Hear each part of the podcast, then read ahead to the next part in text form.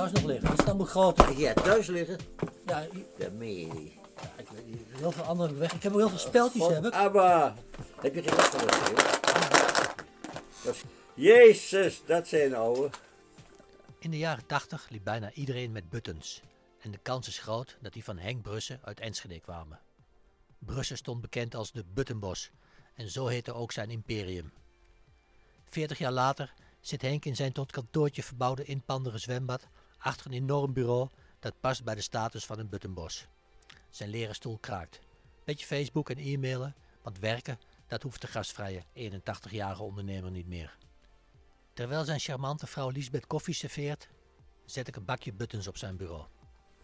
Dat zijn ouwe. Och mijn god. Dat zijn echt heel ouwe. Wat leuk. Die is niet voor ons. Nee, ik heb... Er zit ook nog één of twee tussen die ik zelf gemaakt heb. Ook niet. Wat leuk zeg. Wat dan ziet er geen buttenstuk die je nooit, die ik nooit heb gezien.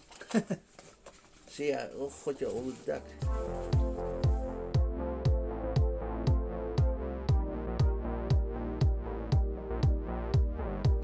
Henk is altijd een ondernemende man geweest.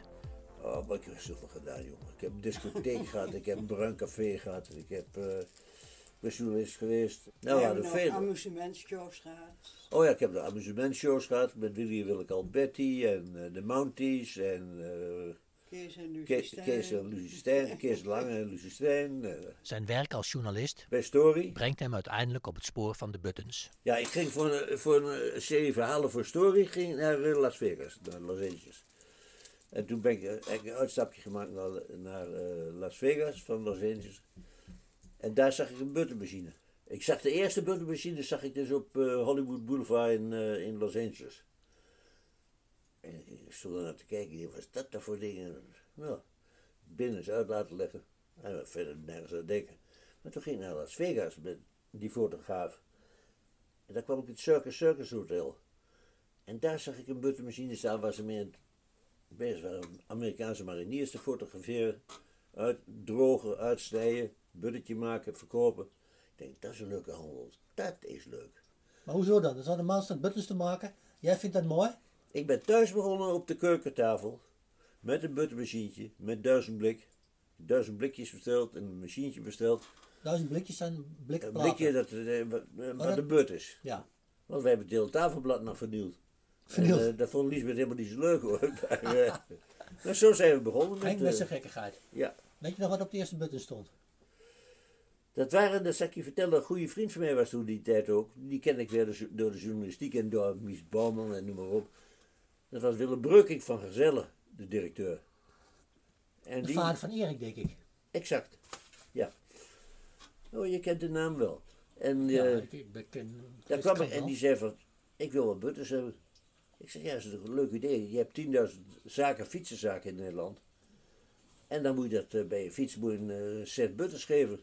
Nou, dan zijn we butters gaan fotograferen van de, wat daarbij zit nog, de Friesol Gazelle Tirion ploeg. Dat zit, zit bij Zat jou er- butters. Zat er niet een Jan Raas Ja, tussen die of zo? zitten bij jou raas.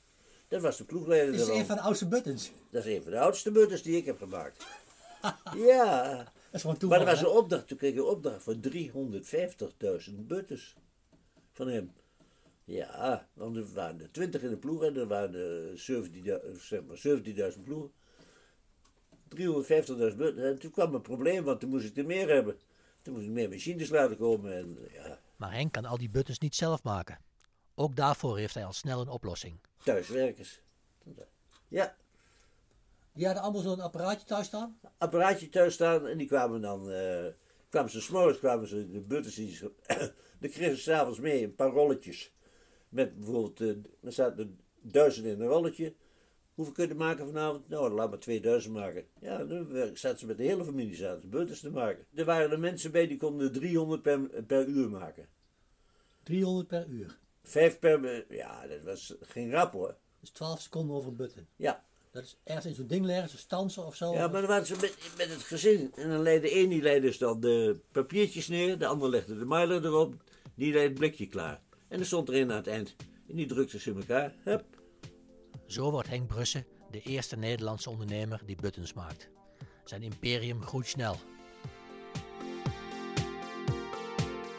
Ik had 120, 130 huiswerkers. En als ik die voor het weekend de man 2.500 eh, papiertjes gaf, in zo'n stapeltje dan, per persoon, dan was het maandagmorgen klaar, dan waren een paar honderdduizend klaar. En dat werkte goed. Het geheim achter Henk zijn succes? Hij is flexibel, Maar ik heb wel eens gehad dat, dat, eh, dat er op donderdag een opdracht binnenkwam. Dan moesten het weekend moesten 200.000 buttons hebben. Dan zou je zeggen, dat lukt je nooit. Nou, de drukker erbij, de slichten. Die drukte. En dan op eh, vrijdagmorgen kregen we drukwerk aan. Verstand ze wel. Dan werd er gebeld. Ik denk, we belden alle huiswerkers af. Hoeveel kun jij er hebben? Hoeveel kun jij er hebben? Hoeveel kun jij er hebben? En zondag, zondagavond was het allemaal klaar. hij is goedkoop, hij zegt nooit nee Alles gewoon bestellen. Je kon de 10 bestellen, je kon de 1000 bestellen, je kon de 100.000 bestellen. Je kon de miljoen bestellen. Geen probleem. en de boodschap op de button? Dat maakt hem niet uit. actiegroepen, alles. Voor en tegen atoomkracht, eh, voor en tegen. de- dat maakte me niet uit. Ik bemoei me niet met de boodschap die erop stond. Had je zelf ook een button op? Ik droeg nooit buttons. Ik heb nooit buttons gedragen. In de jaren 80, iedereen had buttons op, hè? Iedereen. Ze liepen met de hele jas helemaal vol. Er waren, er waren kinderen die hadden de jas zo vol met buttons. Die, was meer, die jas was meer wat aan buttons dan een jas. Nederland wordt al snel te klein voor Henk. Hallo Duitsland, hier is de buttonbos. Hier is de vliegende Hollander. Hier, noem maar op. Of Henk te groot voor Nederland. Heel Europa. Heel Europa. Ja, ik had eh, 44 landen op plaatsen waar ik aan leefde. Wat was de grootste die je gemaakt hebt? De meeste, Een grootste opdracht. ja? Moet ik eens even goed denken. Ja, dat, je had die ook eerst was het de popsterren. Dat was eigenlijk het begin, de popsterren. Eh, Blondie, eh, Travolta, eh, noem maar op. Ik las ook grote aantallen met voetbal. Nederlands elftal hebben we nog ook gemaakt. Duitse elftal had ik er heel veel. Duitse elftal had ik er 5, 6 miljoen van gemaakt. Van, van verschillende spelers. Van alle spelers stonden er. Dat was een hele serie gewoon. Henk geeft Duitse scholieren de kans om zelf een mini-button business op te zetten. En dat slaat al snel aan. Dat stond ik in, dit, in dat Duitse blad, eh, eh, hoe heet dat ook weer? Bravo. Dat was een Duits popblad, had een oplaag van anderhalf miljoen. En dan zet ik een halve pagina advertentie in. Word nu zelf Butterbos.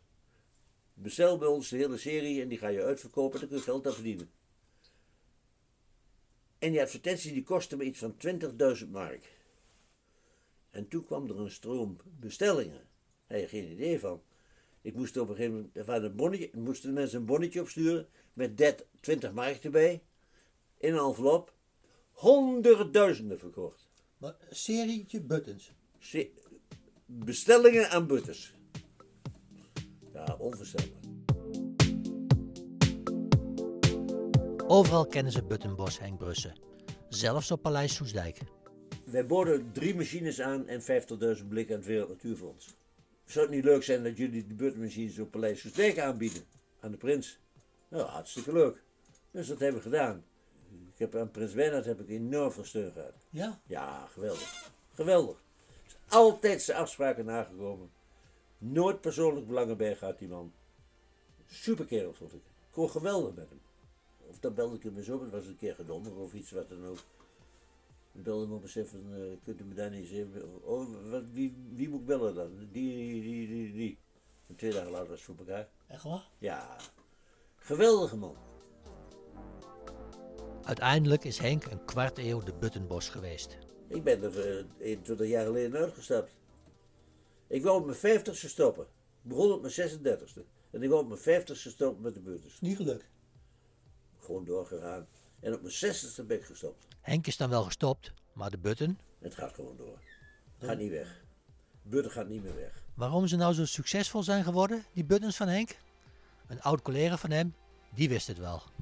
Henk zegt niet dat hij weet de meest onbenullige zaken zo op te blazen dat we allemaal denken dat we het nodig hebben. Heel waar. Dat is vaak zo. Meer over Henk en de jaren 80 lees je in VPRO-gids nummer 6.